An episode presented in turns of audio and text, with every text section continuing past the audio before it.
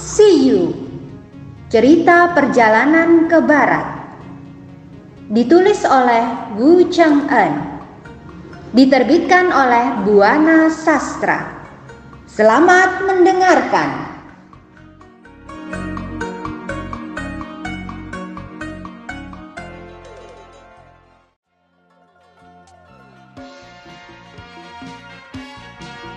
43 Sun Wukong dikalahkan siluman Kong Hai Er Zubaji diutus mengundang Dewi Guan Yin Sun Wukong dan Baji melompati sungai. Kemudian mereka mengendap-endap ke dalam gua. Dari jarak yang cukup jauh Mereka melihat para siluman sedang berlatih silat. Tiba-tiba Sun Wukong muncul sambil berseru Hai para siluman, cepat kalian kembalikan guruku, Biksu Tang. Jika kalian mau selamat, jangan coba melawanku. Tapi jika kalian tak mau mengembalikan guruku, gua kalian akan kuhancurkan. Mendengar ancaman Wukong, para siluman itu terkejut. Mereka berebutan masuk, kemudian pintu gua ditutup dan dikunci rapat-rapat. Setelah itu, salah satu anak buah siluman segera menghadap raja mereka untuk melaporkan tantangan dari San Wukong. Saat anak buah siluman itu menghadap, Rajanya sedang mengawasi anak buahnya yang lain, sedang membersihkan tubuh Biksu Tang. Pakaiannya sudah dilepas semua. Salah satu siluman telah menyiapkan air mendidih di dalam ketel besar. Rupanya Tang Sanzang akan mereka rebus. Mendengar laporan dari anak buahnya, siluman itu terkejut. Apalagi setelah anak buahnya menjelaskan ciri-ciri sang penantang. Pasti San Wukong dan Zubaji datang ke tempat kita, kata siluman itu. Sungguh mengherankan, Bagaimana mereka bisa tahu aku ada di sini? Ah, kalau begitu, siapkan kereta untukku. Tak lama, para siluman telah menyediakan lima buah kereta kecil. Ketika pintu gua dibuka, Baji langsung menoleh ke arah gua. Lihat kakak, mungkin Sumantu takut pada kita sehingga mereka hendak pindah dengan naik kereta. Mereka mau pindah ke mana ya? Kata Baji. Hus, mereka bukannya mau pindah. Tunggu saja apa yang hendak mereka lakukan terhadap kita. Sun Wukong dan Baji mengawasi gerak-gerik anak buah siluman itu. Tak lama, dengan kereta itu anak buah siluman membentuk barisan lima elemen yang terdiri dari Jin, Mu, Sui, Wo, dan Tu. Kereta itu dijaga oleh lima anak buah siluman, sedangkan yang lainnya masuk untuk melapor pada pimpinan mereka. Tak lama, si raja siluman itu sudah muncul dengan hanya memakai kendaraan dan tak mengenakan sepatu. Wajahnya putih bersih, bibirnya berwarna merah sehingga tampak cakap sekali. Pada tangannya, ia memegang sebuah tombak. Mau apa kalian datang ke tempatku? Membuat berisik saja. Terus membantu dengan nyaring. Mendengar tuh Wukong tertawa. Kenapa kau marah? Bukankah aku inilah yang datang? Hai keponakan. Laut Wukong. Bukankah kau masih ingat ketika kita bertemu pertama kali? Waktu itu kau bermain sandiwara Kau menyamar jadi anak kecil yang sedang digantung di atas pohon, bukan? Kau juga menangis minta tolong kepada guruku menyuruh kau menolongmu. Saat itu kau gendong, hingga akhirnya kau berhasil menculik guruku. Tapi kenapa sekarang kau malah pura-pura tak mengenal kami? Kuharap kau mengerti dan kembalikan guru kami. Dengan demikian, aku tak perlu bertindak sehingga aku tidak dikatakan menindas yang lebih muda, kata Wukong. Jangan ngaco, siapa bilang aku keponakanmu? Ada hubungan apa aku denganmu? Dan itu dengan marah. Kanda kecil, mungkin saja kau tidak tahu apa-apa tentang hubungan kita. Beberapa abad yang lalu, aku dan ayahmu telah menjadi saudara. Jawab Wukong. Jangan ngaco, siapa kau sebenarnya? Aku tak tahu. Kau berasal dari mana? Sedangkan kami orang mana? Bagaimana bisa kau berkata bahwa orang tuaku bersaudara denganmu? Kata itu. Dengar baik-baik kanda kecil, aku San Wukong Dong Dong Seng. Raja Kerah menjadi kanda kelima dan Kusen Dawang, Raja Singa. Menjadi kanda kami yang keenam. Aku yang paling kecil menjadi yang ketujuh dan dipanggil Kitianda Seng. Saat itu kau memang belum lahir ke dunia, Jor Son Wukong menjelaskan. Sekalipun sudah mendengar ketenaran yang sangat jelas dari Son Wukong, Hong Hai Er tetap tak mau percaya Bahkan secara tiba-tiba menyerang San Wukong. Dengan cepat San Wukong berkelit dari serangan sang lawan. Binatang licik, sungguh tak tahu adat kau. Sekarang rasakan senjataku, kata Wukong yang marah. San Wukong segera menyerang balik siluman itu. Menyaksikan pertempuran hebat antara Hong Hai Er dan San Wukong, Zubaji kagum bukan main. Kalau kakak bisa mengalahkan siluman itu, aku tidak berjasa apa-apa. Lebih baik aku ikut menyerang dan membantunya dari sekarang, pikir Baji yang licik. Dengan cepat Baji pun ikut menyerang. Sekarang Hong Hai Er dikepung oleh dua musuh. Melihat kekuatan musuh bertambah, Hong Hai Er segera kabur. Baji, jangan biarkan dia lolos. Kejar dia, seru Wukong. Baji langsung memburu lawannya sampai di depan gua. Hong Hai Er melompat ke atas sebuah kereta sambil memegang tombak api. Hong Hai Er berdiri dengan tegar di atas kereta itu. Tangan kirinya memukuli hidungnya. Kakak, lihat, lucu sekali siluman ini. Masa dia pukuli hidungnya sendiri? Bagaimana kalau hidungnya itu berdarah? Siapa yang akan dia salahkan? Kata Baji sambil tertawa. Sambil maca mantra, Hong Hai Er tak henti-hentinya memukuli hidungnya. Tiba-tiba dari mulutnya muncul api dan dari hidungnya keluar asap tebal. Tak lama, asap tebal itu bergumpal menghalangi pintu gua. Apinya pun berkobar semakin besar. Kakak, celaka, apinya membesar. Kita bisa hangus terbakar. Baji yang menjadi panik dan kaget. Kakak, ayo kita lari. Tanpa menghiraukan keselamatan Wukong, Baji segera kabur. Namun San Wukong justru menerobos masuk ke kobaran api untuk mencari Hong Hai Er. Hong Hai Er memperbesar api itu Semakin lama kobaran api semakin hebat. Kereta-kereta yang teratur rapi pun ikut mengobarkan api, sehingga kelimanya menyala. Karena kobaran api semakin hebat, San Wukong jadi sibuk sendiri.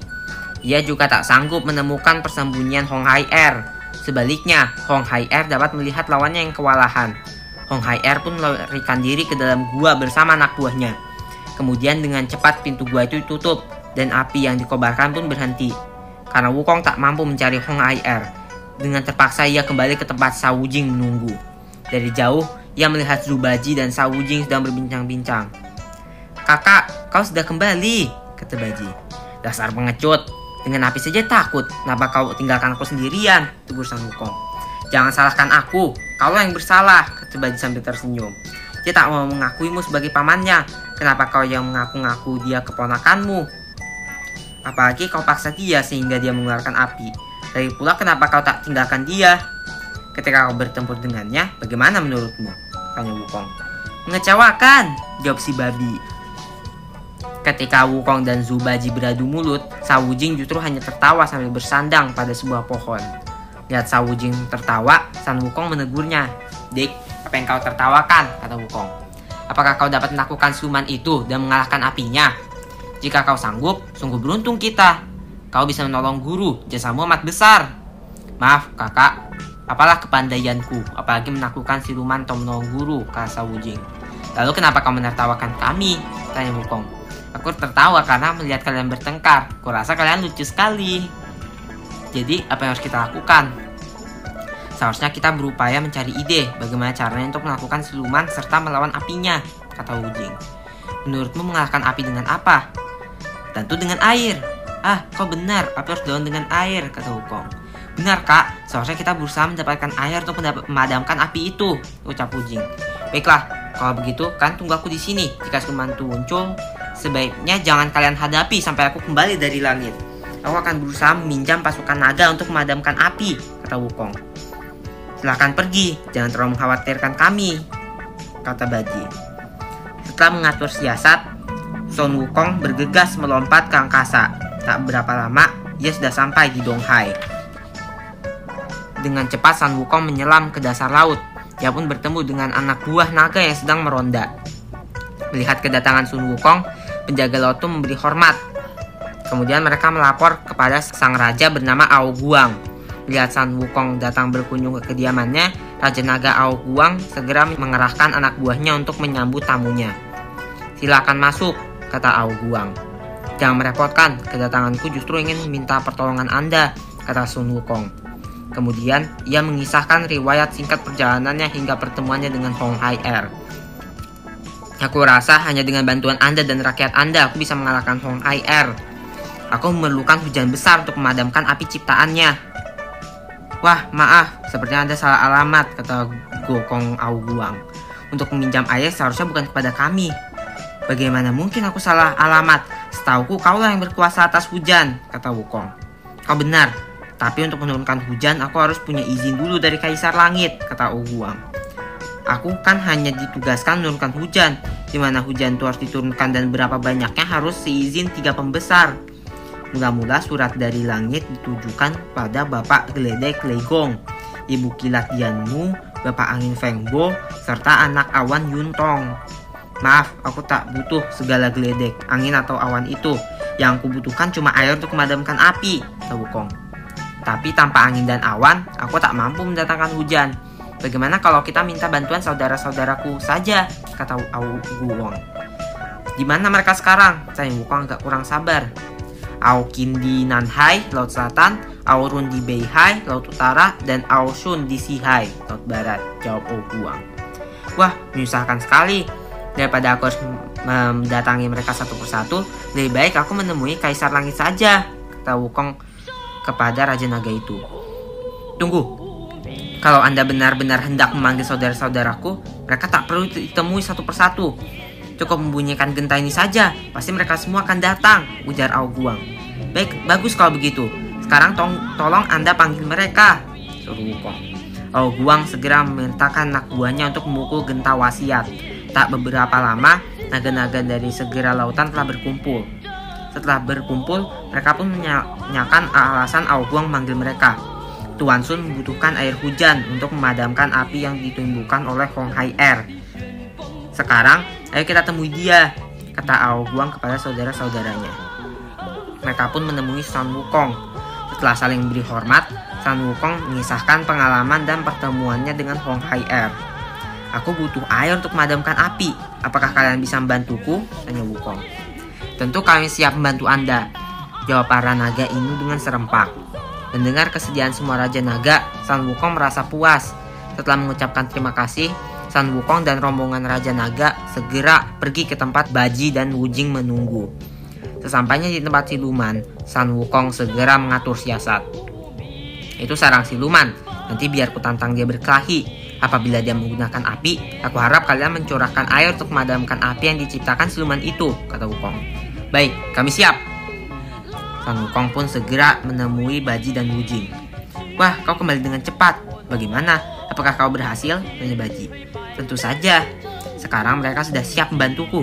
Nanti, jika hujan turun lebat, kalian harus mengawasi kuda dan buntalan kita. Aku khawatir nanti hanyut, kata Wukong. Kalian mengerti. Segera tangkap siluman itu, kak, kata Wujing. Sun Wukong mengangguk. Kemudian ia bergegas menuju gua untuk menangkap siluman itu. Sesampainya di depan gua siluman, San Wukong berteriak menantanginya. Mendengar laporan dari anak buahnya bahwa San Wukong datang, Hong Hai Er tertawa. Ah, karena belum hangus terbakar, sekarang dia datang lagi, kata Hong Hai Er. Coba kalian lihat nanti, pasti dia akan terbakar sampai jadi arang. Sekarang ayo siapkan keretanya. Dia pun keluar dari gua sambil membawa tombaknya. Hai monyet nakal, kenapa kau datang kemari? Teriak Hong Hai Er depan, di hadapan Wukong. Bebaskan guruku, suruh Wukong. Darah kunyuk, biksu tang akan menjadi santapanku. Kau minta aku bebaskan? Oh, jangan bermimpi, kata Hong Hai Er. Mendengar hinaan itu, tentu saja San Wukong marah bukan main. Tanpa banyak bicara, dia langsung menggunakan toyanya, lalu menyerang siluman itu. Hong Hai Er menangkis serangan Wukong. Tak lama, terjadilah perkelahian hebat serangan menyerang terjadi. 20 jurus pun telah berlalu. Walaupun mereka telah bertempur lama sekali, belum terlihat ada yang mengalah. Tiba-tiba Hong Hai Er melompat ke atas kereta yang sudah disiapkan anak buahnya. Ia membaca mantra sambil memukuli hidungnya. Semburan api muncul dan menyambar ke arah Wukong. Wahai api, di mana para raja naga? Suruh Wukong. Mendengar teriakan Wukong, para raja naga dengan cepat memerintahkan anak buahnya untuk segera mengeluarkan air hujan. Mula-mula air yang turun kecil, makin lama makin besar. Akibat dari hujan lebat, sungai dan parit kebanjiran. Tapi rupanya api itu tetap tak bisa dipadamkan. Bahkan api itu tidak padam, api tapi semakin berkobar. Seolah air yang disiramkan adalah minyak yang membuat api bertambah besar. Melihat api itu tak mau padam, Sun Wukong segera terjun ke dalamnya. Kemudian ia mencari-cari Hong Hai Er Sadar bahwa sang Wukong muncul, Hong Hai Er segera menyemburkan apinya ke arah Wukong. Serangan itu sangat dahsyat sehingga menimbulkan asap yang tebal. Wukong tidak takut api, tetapi ia cukup terganggu oleh asap yang membuat matanya terasa perih. Asap api itu menyebabkan Sun Wukong mengeluarkan air mata. Dengan terpaksa, Sun Wukong melompat ke angkasa untuk menghindari serangan api lawannya. Menyaksikan Sun Wukong telah kabur, Hong Hai Er pun kembali ke dalam guanya. Sun Wukong merasakan udara yang panas sekali sehingga tubuhnya seperti terbakar. Dia segera melompat ke dalam sungai untuk mendinginkan tubuhnya. Namun bukan dingin yang dia rasakan, melainkan hawa panas yang terus menyerang sampai ke hati dan jantung Wukong. Dada serta tenggorokannya juga jadi keluh, seolah darahnya sudah tak mengalir lagi. Menyaksikan keadaan Wukong demikian, keempat Raja Naga segera menghentikan hujan. Marsekal Tianpeng, Jenderal Penarik Tirai, teriak Raja Naga. Cepat kalian cari kakakmu. Ketika mendengar teriakan Raja Naga, Zubaji dan Sawujing keluar dari persembunyiannya. Sambil menuntun kuda dan bawa buntalan, mereka mencari Wukong. Tak lama, mereka menemukan Wukong sedang terombang ambing arus sungai. Tanpa membuka pakaiannya lagi, Sawujing segera terjun ke sungai. Kemudian disambarnya tubuh, tubuh San Wukong. Setelah itu, ia seret ke darat. Lihat tubuh Wukong beku, Sawujing menangis sedih. Sedangkan Zubaji sambil menatap Sawujing menangis justru mulai tertawa. Ah, kenapa kamu menangis si kunyuk nakal ini? Aku yakin dia cuma berpura-pura mati, kata Baji. Sekarang coba kau raba dadanya. Apakah masih ada hawa hangat atau tidak? Yang benar saja, seluruh tubuhnya beku dan dingin. Masa dia masih hidup? Kata Saujing terisak sedih. Jangan cemas, tidakkah kau tahu bahwa dia punya 72 jurus mengubah diri dan 72 nyawa? Kemarilah biar ku tolong dia. Kata Baji. Saujing terdiam ketika Baji menolong kakaknya. Kemudian ia memegang kaki Wukong, sementara Subaji mengangkat kepalanya. Mereka berusaha membangunkan Wukong. Dengan susah payah, Akhirnya San Wukong bisa duduk, namun napasnya masih agak tersendat karena hawa dingin yang menyerang seluruh tubuhnya. Subaji terus memijiti tubuh Wukong hingga akhirnya ia mulai bisa menggerakkan anggota tubuhnya. Pertama-tama, ia bisa menggerakkan bibirnya dan yang keluar dari mulutnya adalah teriakan. Guru, teriak Wukong. Kakak, sungguh mulia hatimu. Sungguh, seumur hidupmu kau hanya mengabdi kepada guru. Dalam keadaan bahaya pun kau masih ingat kepadanya. Bangunlah kakak, kini kau telah selamat, kau ada di sisimu, kata Saujing senang. Sun Wukong mencoba membuka kedua matanya, lalu dia melihat kedua saudara angkatnya. Oh, celaka saudaraku, ternyata aku kalah, kata Wukong. Aku mati. Tidak kakak, kau hanya pingsan. Kalau saja tak ada aku, entah bagaimana nasibmu. Mungkin kau sudah bertemu Raja Neraka. Tapi kenapa kau tak mengucapkan terima kasih kepadaku, kak? Kata Baji. San Wukong tidak menghiraukan empat ucapan Baji. Dia malah langsung bertanya, di mana saudara-saudara Ao? Kami di sini, saudara Raja Laut Timur dan saudara-saudaranya yang lain. Oh, terima kasih atas bantuan kalian, kata Wukong. Sayangnya siluman itu belum bisa kita taklukkan. Sebaiknya kalian kembali saja ke Laut Timur. Baiklah, kata para Raja Naga. Mereka pun segera kembali ke Laut Timur. Setelah itu, Sawujing segera memapah Sun Wukong ke dalam hutan Wajah San Wukong tampak amat berduka. Guru, keluh Wukong. Udahlah kakak Sun, jangan berduka terus, kata Wujing. Lebih baik kita mencari ide dan bantuan. Kau benar, tapi kepada siapa kita harus menerima bantuan? Tanya Wukong. Mereka pun terdiam. Tiba-tiba Wujing teringat sesuatu. Kak, ingat tidak? Tempo hari Dewi Guanyin pernah bilang, kalau sedang butuh, langit dan bumi pun bisa kita panggil. Berarti siapa pun dapat kita mintai tolong, seru Wujing. Kau benar, tapi bukan kasih siluman itu sangat lihai. Ketika aku mengacau di langit, aku tak punya tandingan. Sekarang aku telah kalah olehnya. Bahkan saat ini kulitku pun masih terasa ngilu dan lututku lemas. Lalu bagaimana aku bisa pergi mencari bantuan, kata Wukong. Padahal kalau aku kuat, aku bisa minta bantuan Dewi Guan Yin. Kau mau bicara apa pada Dewi Guan Yin? Biar aku saja yang menemuinya untuk menyampaikan pesanmu, kak. Kata Baji. Sun Wukong sontak menoleh pada adik angkatnya itu. Kalau kau bersedia menemui Dewi Guanyin, boleh saja. Asal ingat, jika kau bertemu beliau, kau harus bersikap hormat.